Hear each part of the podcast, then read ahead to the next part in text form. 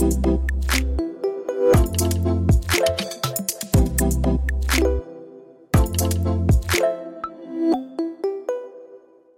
evening and a warm welcome to our sixth EACLIPT webinar. My name is Dr. Marta Jackowska. I work at SWPS University in Poland, which is a co-organizer of EACLIPT webinars. Today, we will have a great pleasure to listen to a keynote lecture given by Professor Frank Neuner from Bielefeld University in Germany. Frank is a clinical psychologist um, and one of leading experts on traumatic stress.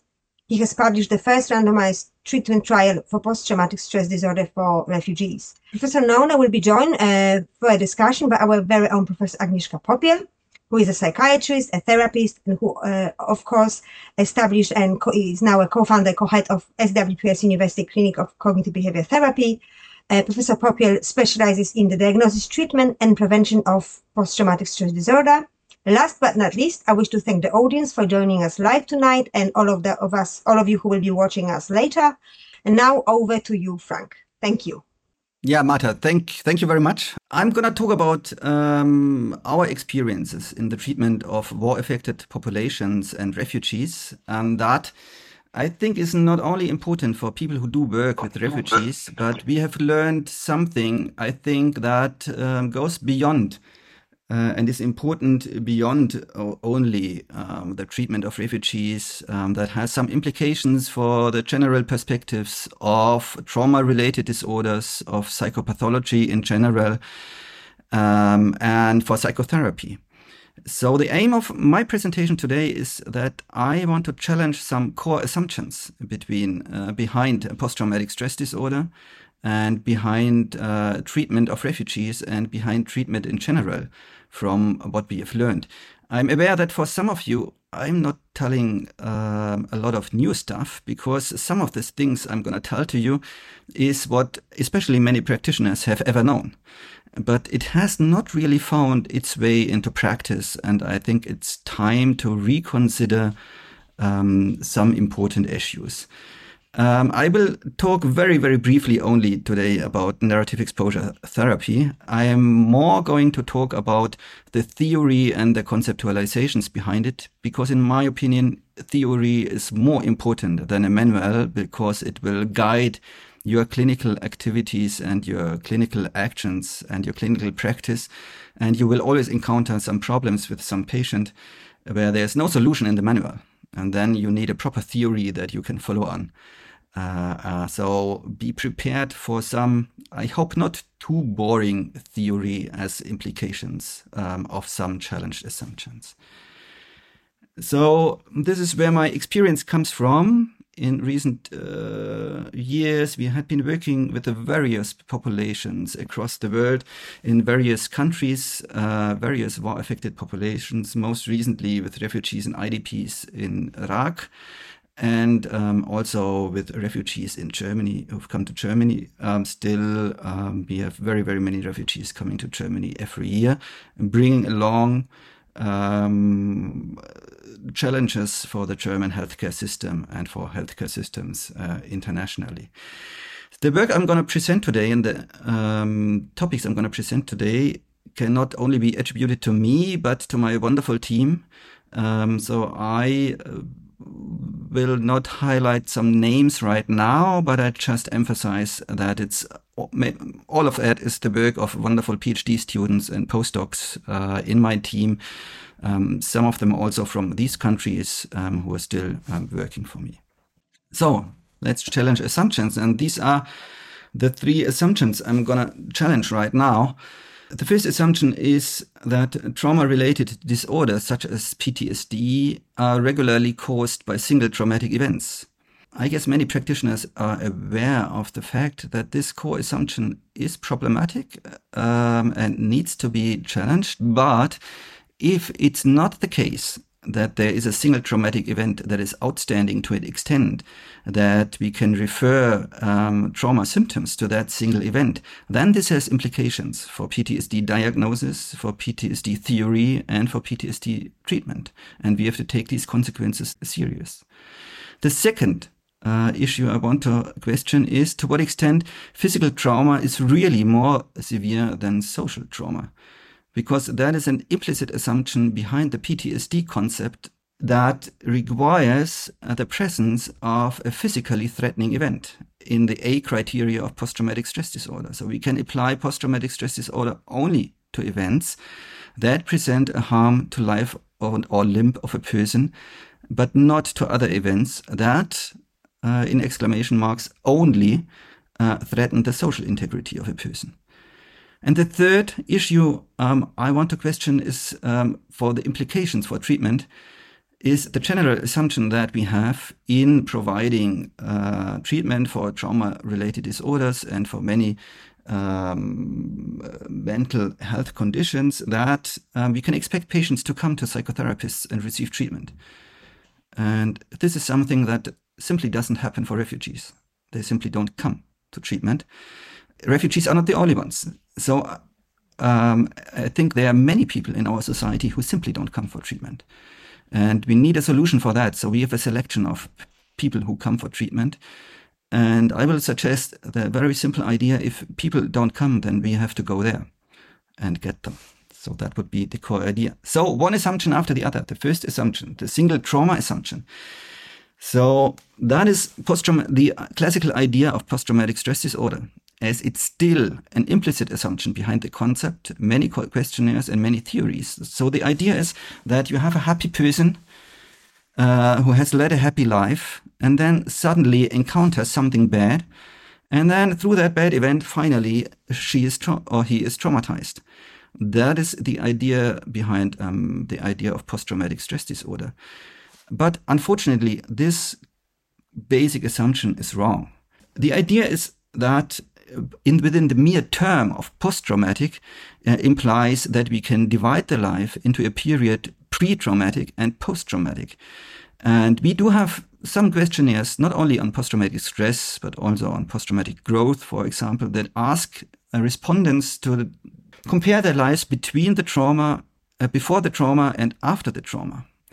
Um, but we always face problems with this type of questioning so especially if you take um, the gold standard um, diagnostic instrument for post-traumatic stress disorder, that would be the clinician assisted administered post-traumatic stress scale, the CAPS. Everyone in the trauma field is supposed to use the CAPS. Um, and the other scales, the PCL5, for example, all the standard scales, they require the interviewer to, de uh, um, to define this worst event um, for the patient, which would be the index event, and you would relate all symptoms to that single event. We always face problems with that in our uh, interviews with refugees because our refugees bring along uh, multiple traumatic events. The second core assumption I'm going um, to challenge is the physical threat assumption. And the physical threat assumption originates in the classical stress theories. And if you read classical textbooks on stress, almost all classical textbooks on the psychology of stress start uh, with a picture of an uh, ancient human being running away from a lion, and that's the origins of the stress response. So it's a physical threat. It's a threat for survival that determines the stress response. And this idea as the worst that can happen to human is a threat for life is implied again by definition in the PTSD concept. It is not an empirical, it's not a research decision, it is a decision by definition. Because we have that gateway criterion. Post traumatic stress disorder is the only disorder where we do have such a gateway criterion. So we have an A criterion where we say it's not only the symptoms that matter, but also where the symptoms come from. Um, if someone does have the same symptoms from bullying, for example, that wouldn't count because bullying would not fulfill the A criterion. It is no threat to life of a person, no threat to health or, of a person, and it's no sexual violence. So it is by def definition no post-traumatic stress disorder. The key assumption behind that, and there had also been some uh, argumentations about that, is that we will want to limit the PTSD concept to the most severe conditions and the most severe events. And it had been argued that we want to prevent um, harm inflation. We want to prevent the perspective that everything in life can be harmful. So let's uh, restrict our perspective on events that are really bad.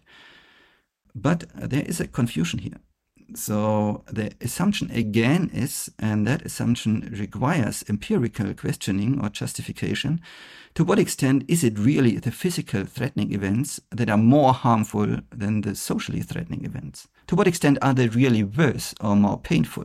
So even if I were to agree that we would restrict post-traumatic stress disorder on the more severe events, is it then a good definition to restrict it to physical traumatizing events? So let's talk a bit about theory and trauma theory. And in the field of post-traumatic stress disorder, we are very, very fortunate in terms of theory because there's a strong consensus on theory. Um, and we have quite some trauma-focused theories. And if you summarize them, I'm drawing a lot on, on Chris Brewin's work here, but other people more or less say the same.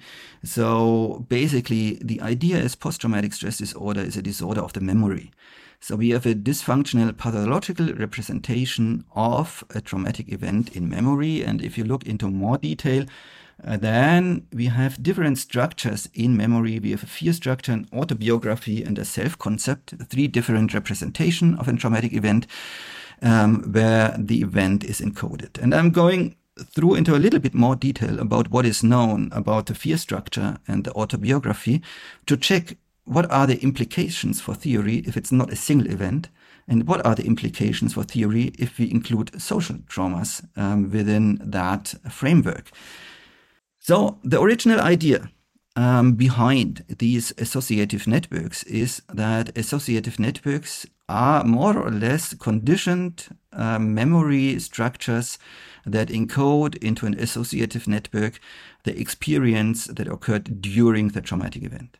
And the problem about of traumatic events is that during traumatic events, our reactions are not limited just to the classical stress response, which would be flight or fight, but we do have a variance of quite atypical, abnormal um, stress reactions, including, for example, the fright or tonic immobility.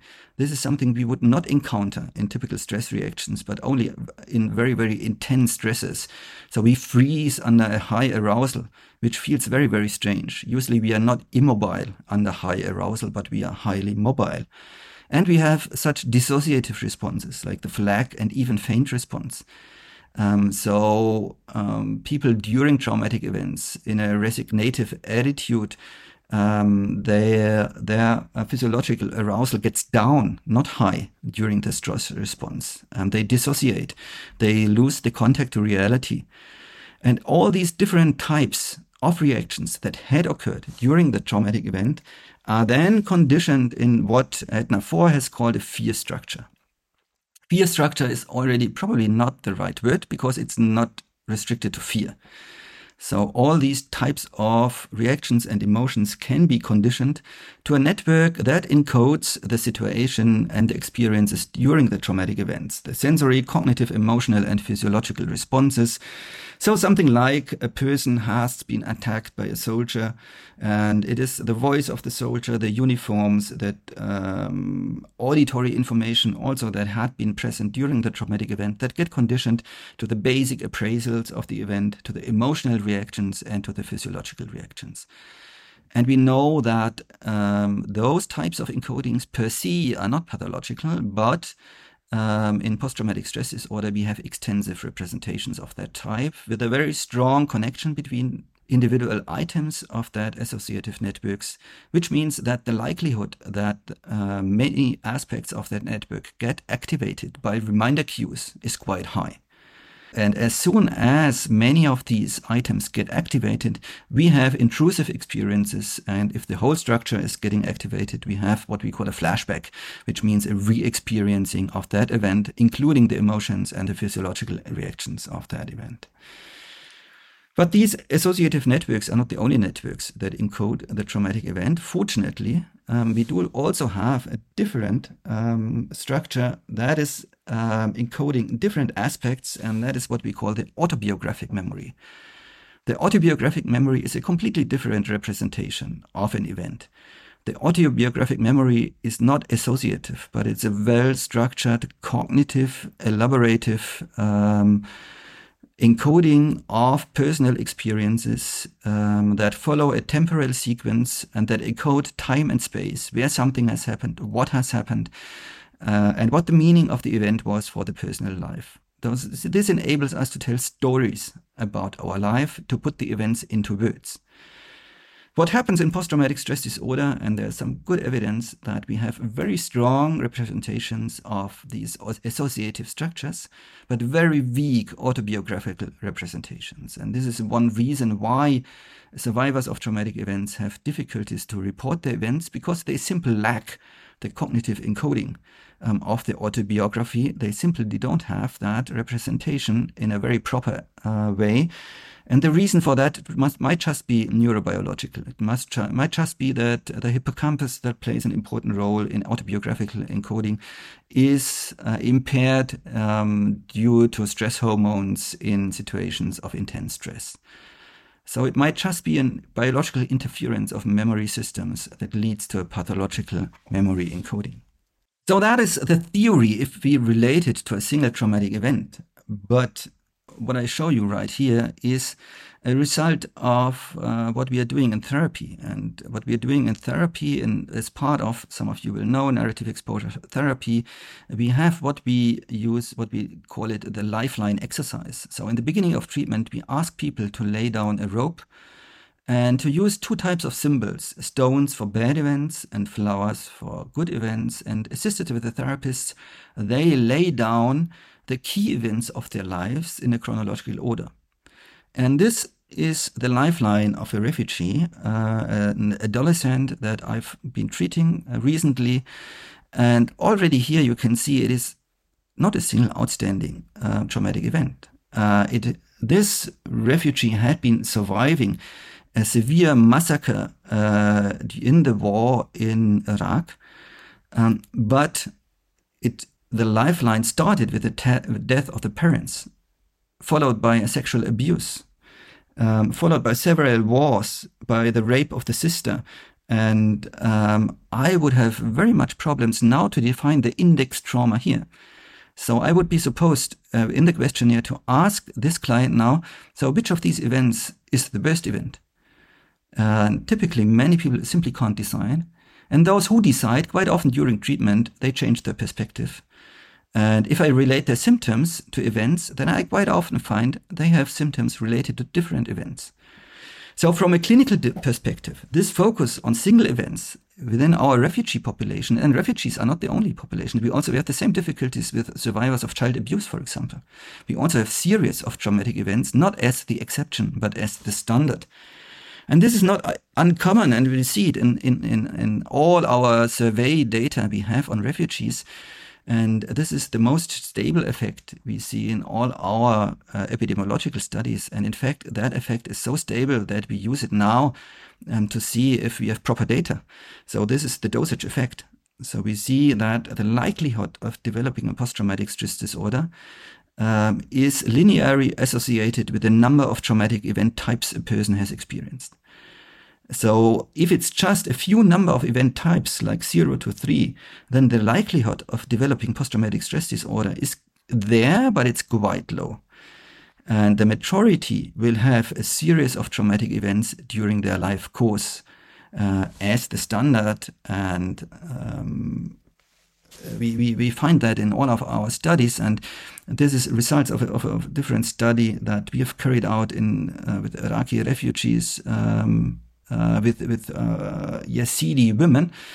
And what we find also there, we were considering there must be a key event that is outstanding because many of them had been enslaved by the ISIS forces and had been abducted and had been forced um, to all kinds of brutalities. But also here, it is multiple events. Um, it is partner violence. It is war-related traumatic events. It is other family members affected by by ISIS that do predict um, post-traumatic stress disorder, and it's not a single event and not even a single event type. So in severely affected populations, like refugees, what we expect is that multiple types of traumatic events is the normality, and we would expect an effect that we is known within developmental psychopathology as the so-called pile-up effect, which means that once you have one risk factor, the likelihood that you have another risk factor is higher. So risk factors seem to accumulate. And the same is true for traumatic events. So you would have multiple risk factors uh, in single persons and multiple traumatizations in multiple persons.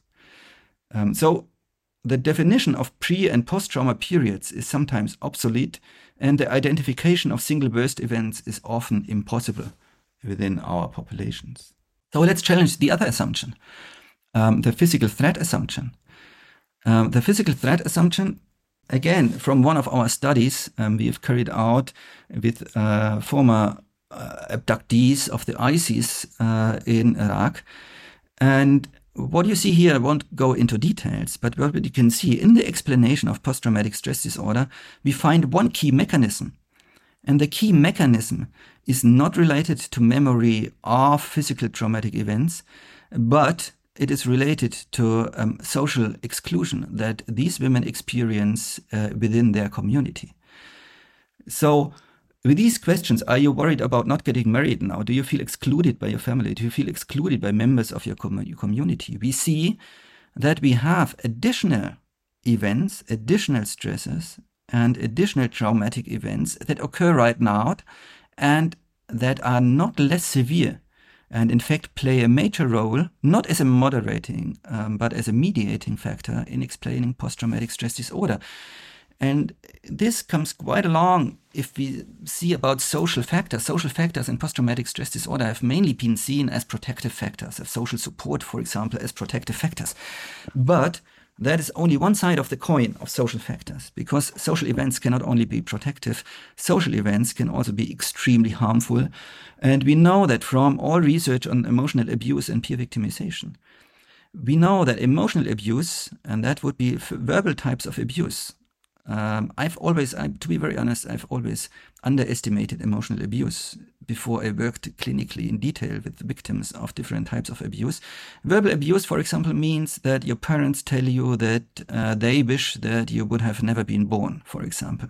That is a strong message. That is a hurtful message. That's a painful message. And that's also a harmful message because what we see is that um, if we do multivariate analysis of all types of child maltreatment, it is always emotional abuse that is outstanding and quite often outperforms the impact of physical abuse and sexual abuse. Um, same is true for peer victimization and bullying.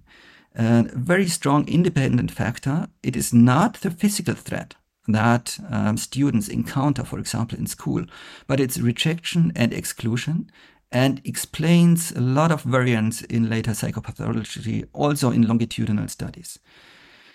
So we know that we don't need any physical threat to be traumatized by socially traumatizing events. Um, but we didn't relate that to post traumatic stress disorder yet. So let's do it. Let's relate it to post traumatic stress disorder. And then what would be the consequences for the theory? For the theory, um, we would have to take so the threats to social integrity very serious. Because from a sociobiological perspective we know of course why a threat for life and limb is stressful.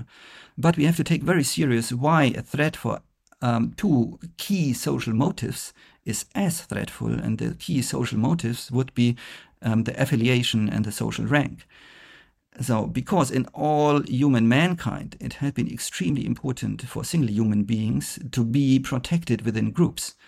As an outsider, uh, basically, uh, exclusion from your society uh, would equal a death penalty because you would have no zero chance to survive in a wild environment. Uh, and the same is true for social rank within the community. So social rank determines the amount of privileges you would have within your community and the resources you get. So a threat to the social rank, a threat to be important within your group, um, is a built-in stressor that requires a very intense stress response. And this is what we find.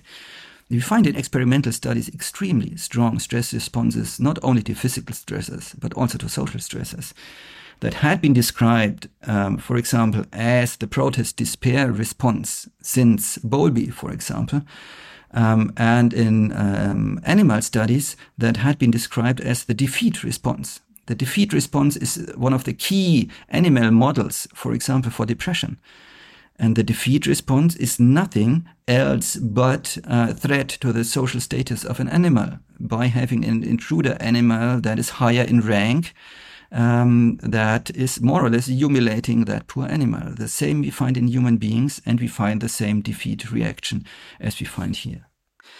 We won't go into too much detail now, but uh, I'd recently written a review article in Clinical Psychology Review where I've summarized these different types of responses to physical and social stresses.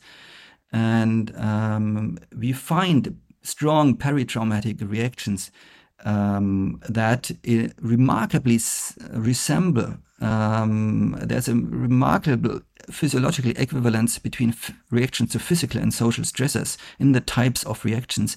We just have different names and we have less names for these reactions uh, in, in colloquial terms. We have no collo- very good colloquial term for an effect that is called um, defeat, for example. We know defeat, but I feel defeated that is rarely being used.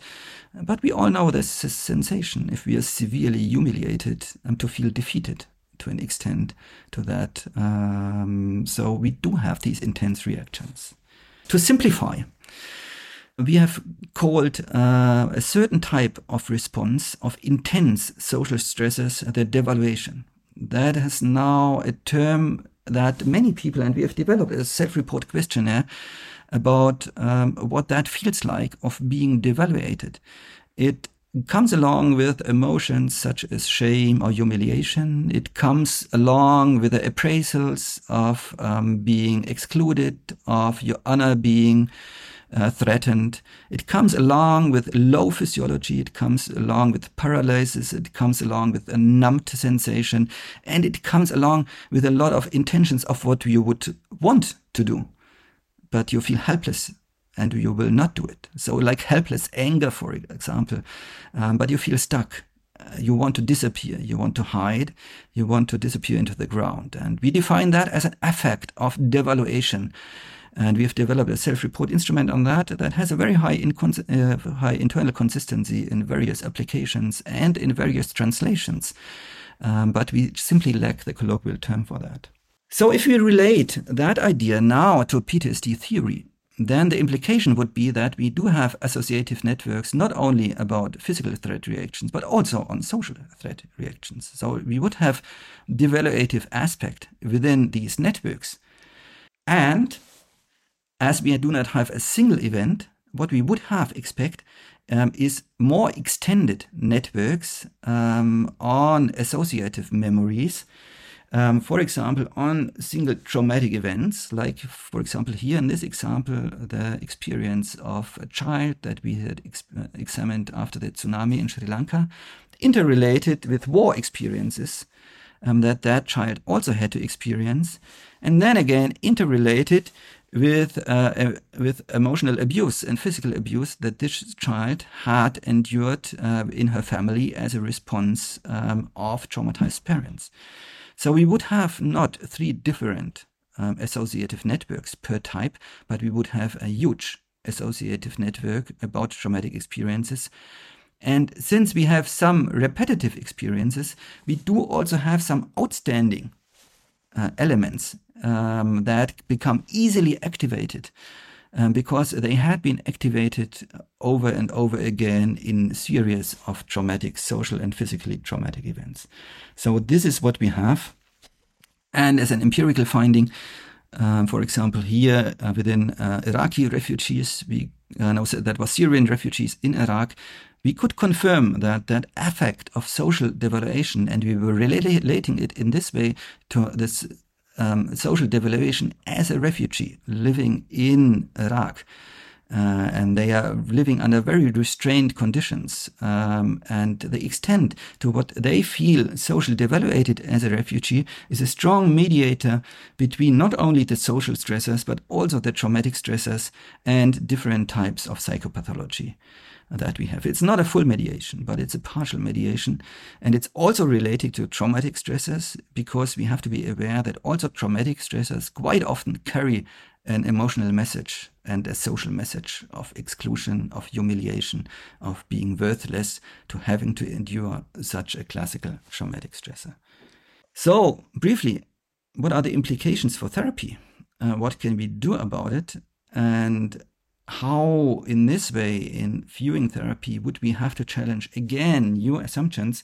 And the first thing I have to emphasize is um, if we take it serious that it's devaluation that matters so much um, in uh, creating psychopathology, then the first means, of course, is not treatment. The first means is that we have to take aware that many of the refugees living in um, low income or also in Western countries still experience devaluation. So they are still in the middle of trauma. And I just give you one example.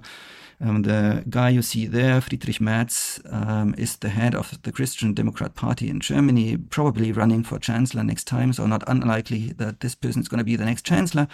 And it's one, it is not just the case that we want to restrict migration and we want to close borders. And there might be different opinions about that. And we could even decide on, on doing that and restrict migration. But what we should not do, um, have um, statements like this and um, questioning the motivation of refugees and uh, saying that say they sit at the doctors and have their teeth redone as if that was the key problem of refugees and the key motivation to come to Germany is to have your tooth redone.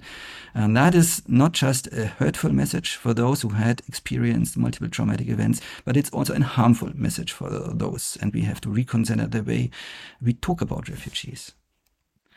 But it has also uh, implications for mental health care. And we have done a couple of studies on mental health care of refugees in Germany. And this is just uh, one of these studies, and we have found the same uh, results uh, at uh, various studies. And this was now carried out in Bielefeld, uh, where our university is. And we've just studied a convenient random sample of refugees, an unselected sample. And what we have de determined is the objective need for some kind of mental health assistant in more than 50% of those unselected refugees. And that is not uncommon. And this is uh, quite consistent with the international literature on refugees. You see the subjective need, which means to what extent are the refugees themselves aware that they would need treatment and there is something like treatment for the condition, is considerably lower. Then again, what is considerably lower is the number of those who had contact to any mental health worker. Um, we know that the first line treatment would be psychotherapy. And again, then we are already at about 3 to 4% who had ever contact to a psychotherapist. Those who had received psychotherapy with more than 5%, five sessions is already below 5%, and none of them had received any type of evidence-based psychotherapy. And um, this can be basically, I guess, generalized um, to, I would guess, to many refugees living in very many countries. We have several reasons for this. Of course, there are many structural barriers to receive psychotherapy uh, in Germany. So we have barriers on the side of the refugees because simply they don't speak the language and they are not aware of um, psychological trauma. But I would also emphasize on the barriers on the side of the psychotherapists. And we have done a survey of psychotherapists in Germany, um, a large scale vignette experiment. So we have sent all of them cases and asked them, okay, what do you feel about that treatment? What would you expect and what would you recommend?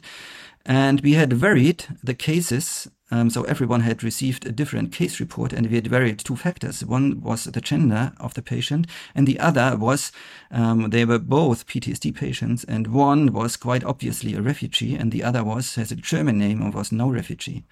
And just to summarize the result, um, we, we were seeing far more therapy hindering attitudes uh, in all domains um, for the refugees which means they would expect uh, more difficult therapy, they would um, expect a more difficult alliance, and they would expect more fear, they would more often recommend not psychotherapy but medication, for example. They would have more worries um, for for refugees. And I would agree that probably refugees are no easy um, patients, but neither are German patients. They are also not easy. And I've seen so many complex traumatized Germans that I would say uh, many of the complex traumatized Germans I've been seeing more, have been more, far more difficult to treat than some refugees.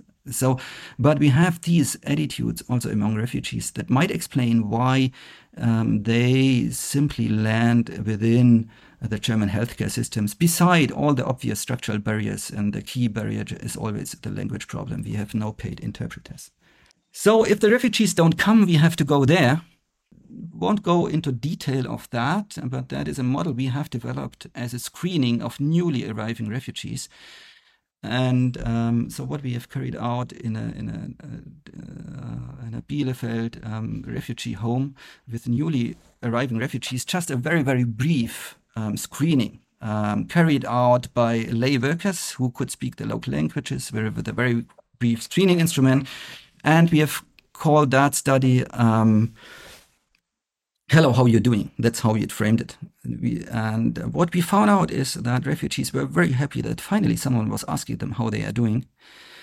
And what we found out is what was not just some need for treatment, but we were finding many of red flags so 7% of the cases were in severe crisis that they needed immediate intervention and they needed intermediate uh, referral, for example, to inpatient treatment and to some protective measures, which no one else would have seen.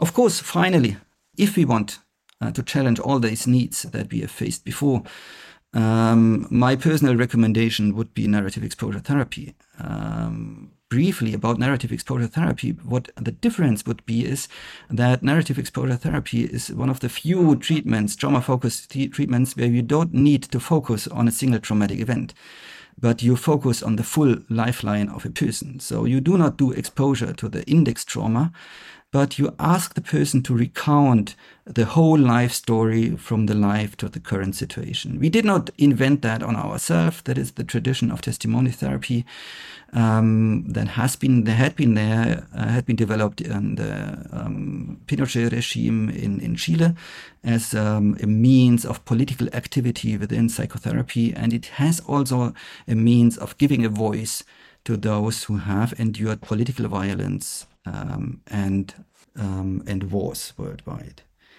Um, so theoretically, what we aim to achieve with a narrative exposure therapy by going doing exposure not just through one event but also to going to all the events is basically to contextualize not just a single index trauma but to contextualize these different um, traumatic events and to find what type of reactions belongs to where in time in space of the biography um, of the survivor. That would be the theoretical argumentation, and we could very well include here socially traumatic events as well.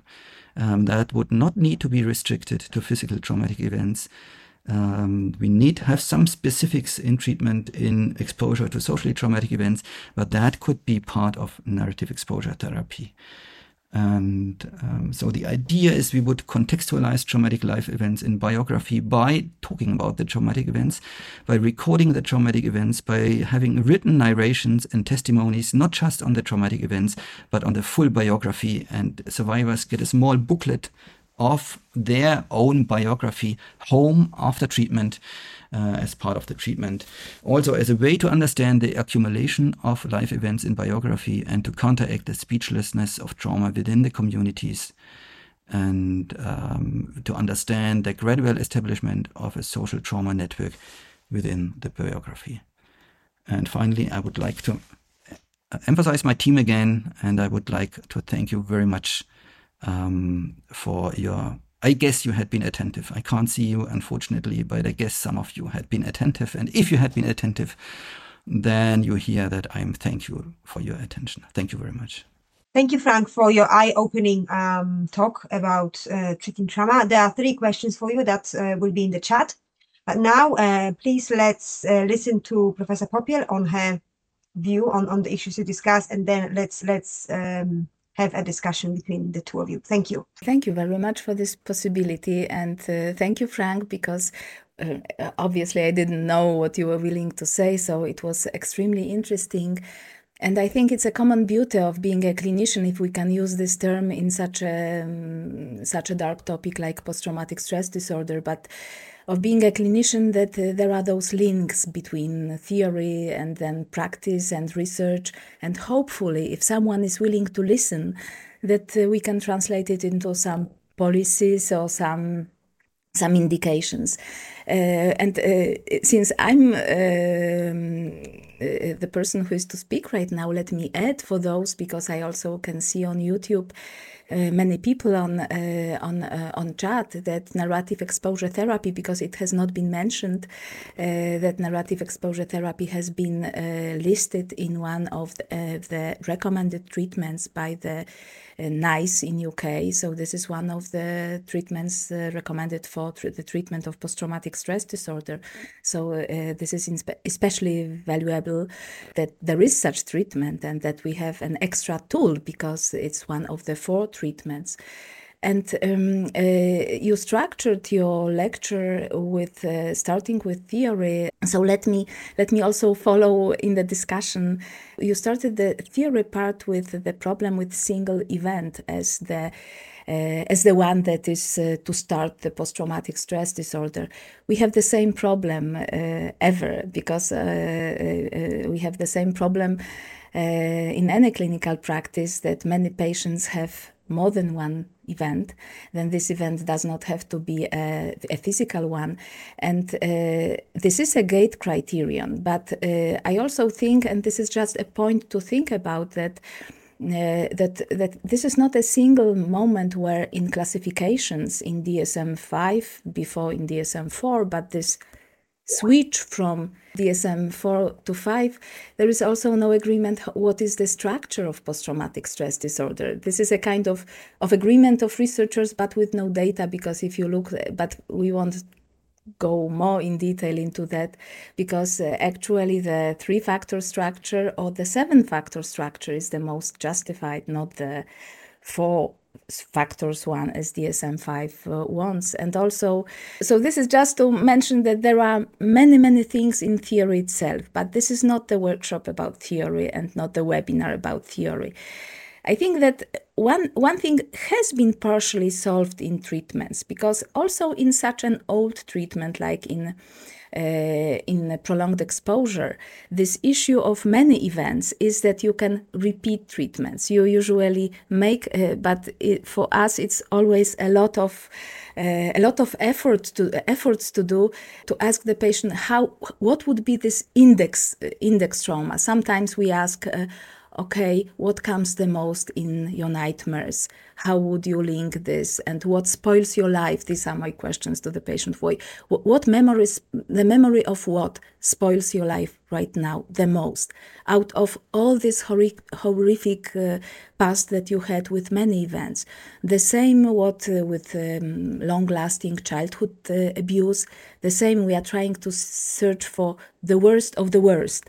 Uh, to start the discussion. So, so, so this is one of the aspects of the of the single event. But I absolutely agree that um, there is uh, there are lots of problems, and uh, here this uh, answer that narrative exposure therapy proposes is a very very good one. Very, very, very, is the one that that we we have an extra tool. Also, we need to take into consideration when speaking about theory, the moderators like temperament, but uh, here this is a different issue, and I'm not going to. Um, uh, to, to, to, to, this topic.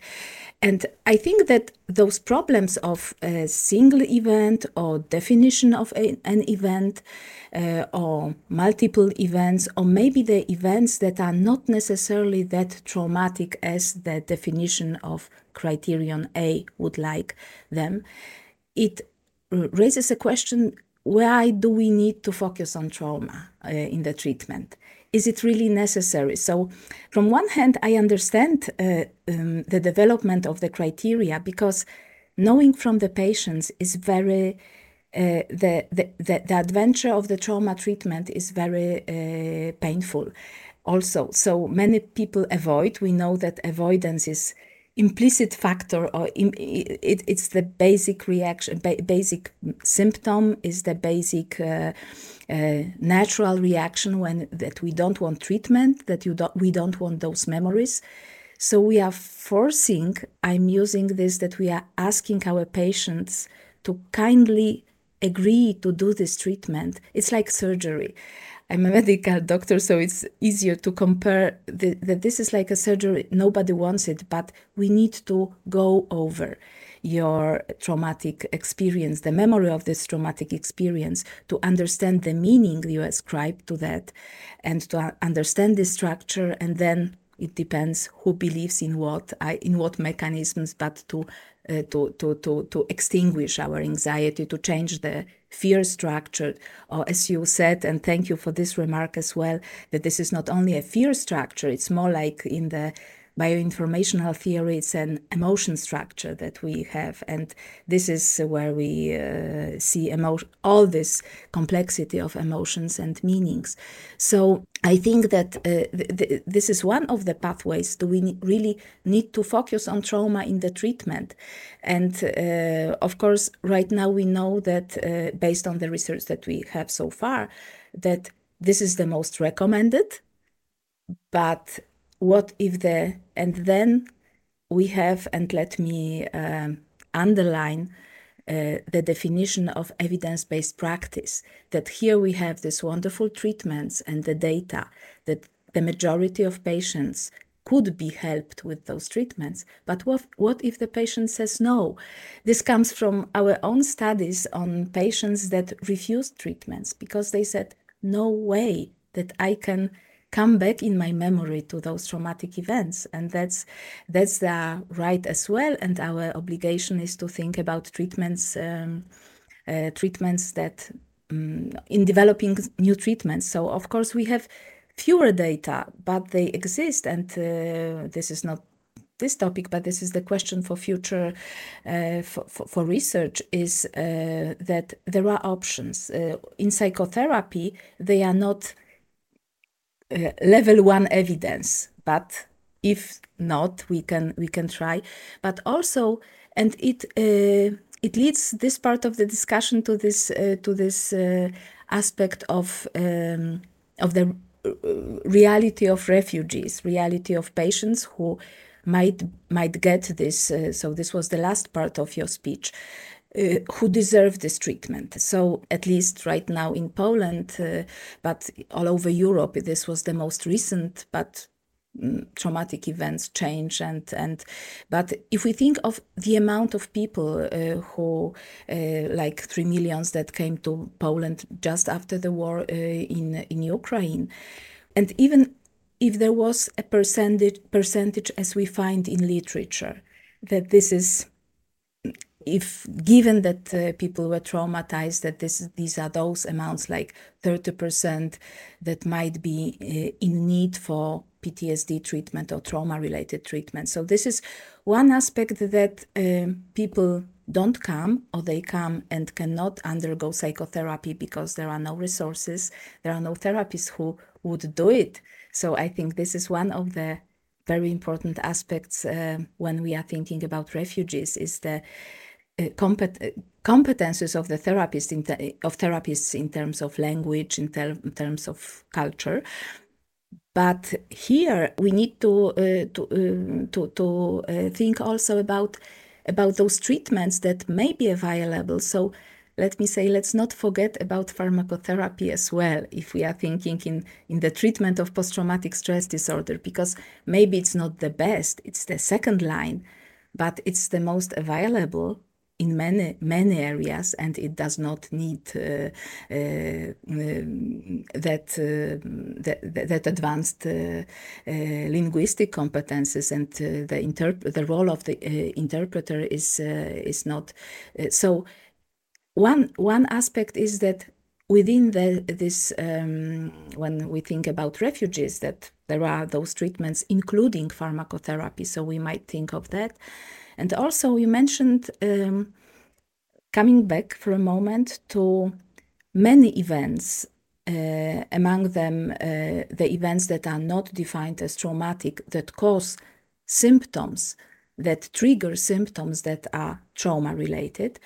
But let me make another step that uh, if we, since the 80s, when we think about uh, uh, about trauma, uh, about um, uh, about psychopathology in general, there is a diathesis stress model. So we think about the whole range of uh, of of uh, disorders uh, that may result from stressors. So it's not only PTSD. This is basically all psychopathology. There is a question, can we extend for some minutes. So let me. I'm just summarizing, and maybe we will not need. Uh, so so so. Uh, uh, I love the results of uh, with uh, the vignettes of your study because this is exactly what is the main, our main thinking.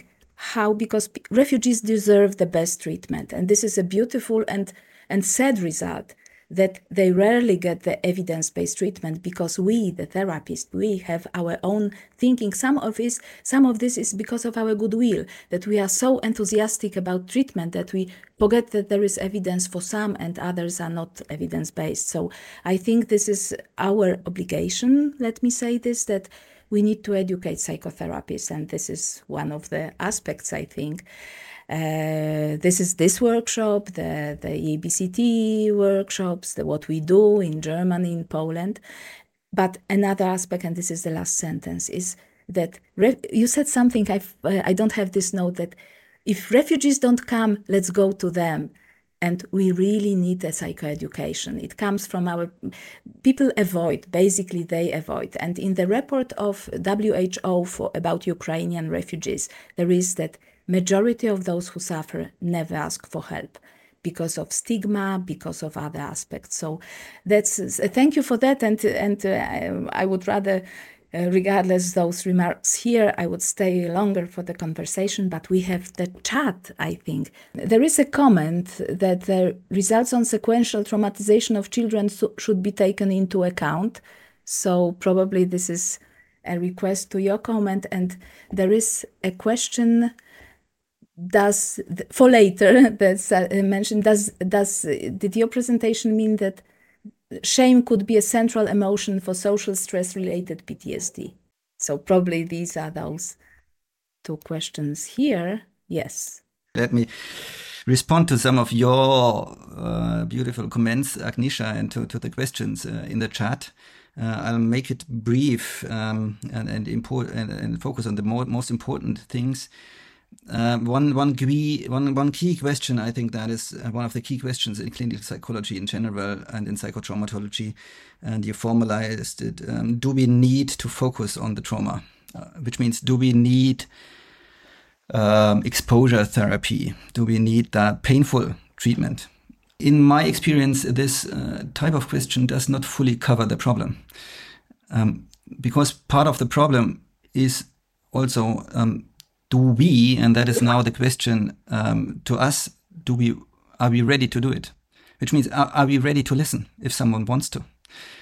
You know, it, it is quite easy to find a patient who is unwilling to do treatment um, if we are not, more or less. So, um, in my experience, most patients are highly ambivalent uh, when they come to therapy and they give um, two communications at the same time. Um, I never ever want to talk about it, but finally, I would really want to take the chance to talk about it at the same time, uh, which shows their ambivalence. And uh, this, uh, and then the reaction of the clinician is absolutely uh, is the most important thing. How how things will be going. Then, if you are absolutely clear as a therapist that you are willing to hear it, then the chances are quite high that the person will be willing to disclose. And that is, for, in my opinion, not just a matter of um, clinical perspective uh, taking and of efficacy, but it is also a question of humanity.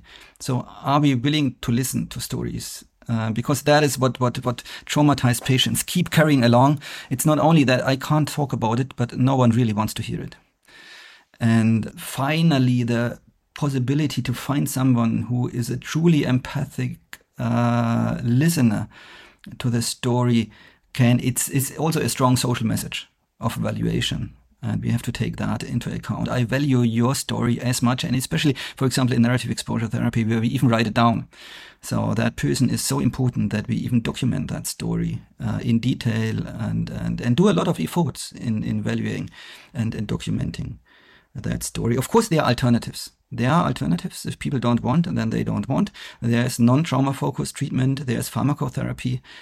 Um, but uh, on a societal level, I would say for the treatment of refugees, as I've said before, the most important means before I would invest in psychotherapy is I would invest in the way we deal with refugees in general. So that is, do we provide them a fair and valuable chance to feel like an important member in society and to find a perspective here? Or do we keep having these devaluating messages um, and perceiving them or quite often uh, with a lot of racism and a lot of um, downplay? And because that will of course maintain their psychological disorders. And probably that is the most important before we think about psychotherapy the most important thing to do within a society to prevent chronification of traumatic stress reactions. But there are also i would say cheap and effective effective versions of psychotherapy, like narrative exposure therapy. That and we had shown before that we don't even need uh, properly uh, five years trained psychologists to do it. Uh, in principle, that would be possible also for trained uh, lay workers to do the treatment. It, it, would not be allowed in Germany, but maybe in other countries that would be allowed. Uh, and I guess it could be considered regarding that high numbers of people in need. And I like the, the surgery analogy that you have said. I think trauma focused treatment is a kind of surgery and it has to fit into a person's life. So if, if you're, if it's not the right time, then it's not the right time. Then you can postpone the surgery, but it will interfere considerably while you do the treatment. Um, but it is um, the prerequisite for healing. And for one, for one other thing, um, because I, I fully agree. Um, prolonged exposure and is, is an excellent treatment. And also there, they, uh, therapists of prolonged exposure are aware that it's not only a one event, but, but, and you can also treat two or three events within prolonged exposure. Um, but I, I, in my experience, one advantage of such a systematic biographical approach is that you can fully understand the experience of a traumatic event because you know the story of a person as it had been before. Sometimes you simply question why did this person not defend herself in this situation? And you will never understand why she had not defended herself unless you understand how she had been physically abused before by her father 20 years ago and she learned that there's no way in defending yourself and she had re reacted uh, immobile and she had learned um, an, a defensive reaction that's going to be reactivated. So there's an accumulation of defensive reactions and of meaning that occur throughout the li life that is easier to understand if you follow the chronological way. I admit, as Edna Foa would say, you have less habituation for single events, and that could be a disadvantage. So it has advantages and disadvantages. Um, still, um, I like that type of treatment, obviously the stones and the flowers that uh, maybe for some people who uh, uh, which are in your treatment they uh, turn us into really something that is so beautiful in general in, in in treatment and in cognitive behavioral therapy that you that you have a chance to analyze the meanings of any events. And those flowers are wonderful. So i really appreciate uh, i mean all, uh, all the aspects of the narrative exposure therapy. So this is the last question to to, to frank uh, let me read this, or maybe you can. How do we go about cases where the client strongly denies the possible impact of trauma or refuses to explore traumatic event in therapy? It seems that the last part you have uh, partially answered, but uh, the first part, I don't know. Usually, this is not so much of a problem for our clients. So, and sometimes I would also say that um, if if only the clinician sees the impact of trauma then I would carefully say maybe it's not there. Yes. So, so typically for our clients, um, it is quite obvious, and we we have so so. But, but what I would certainly recommend is for any therapy I would do is to have um, checklists of the most common traumatic event as a screening, as a standard part of diagnosis of a checklist including different types of child maltreatment and different types of standard events um, just to make sure that you see everything that had been there in biography. And um, then I would say trauma focused therapy still requires specific types of symptoms, which would be essentially uh, intrusive symptoms, which means a kind of re-experiencing of these symptoms, which make the relation between traumatic events and current experience and symptoms quite obvious for both the clinicians and the patient. And uh, let me just say this: certainly, shame is a central emotion for social stress-related PTSD, maybe the central emotion. Um, I could talk for ages about shame, but not today. Um, but um, the difference in our perspective now is that I don't believe that shame is an event that occurs as a post hoc evaluation of your event, but shame had been present during the event and can be conditioned just as fear during the event, and that has implications for treatment. You are not just ashamed because you had experienced sexual violence, but during sexual violence, shame to an intense extent had been there, and that becomes conditioned. So we need to contextualize this shame within that event also. That would be the difference in our perspective here. May I say something? That I'm uh, maybe it's not too objective, but I'm happy that this has been recorded because you said so beautifully about refugees and what they deserve for that we can still look at this uh, later on and also some aspects of this because this this was the best summary I think. But uh, but thank you for the possibility of discussing that and I think it's time for Marta to. Thank you very much to Frank and Agnieszka. I think our audience has um, has been deeply captivated. I think uh, obviously trauma treatment is, is always needed, but it seems now it's more than ever with the war is still in Ukraine and then what we what we are witnessing in, in Israel and, and Gaza. So um, thank you again and thank you to, uh, to the audience. Um, and it's been a great pleasure to listen to both of you. Thank you and good night and good night to the audience. Okay. Thank you. Thank you very much. Thank you.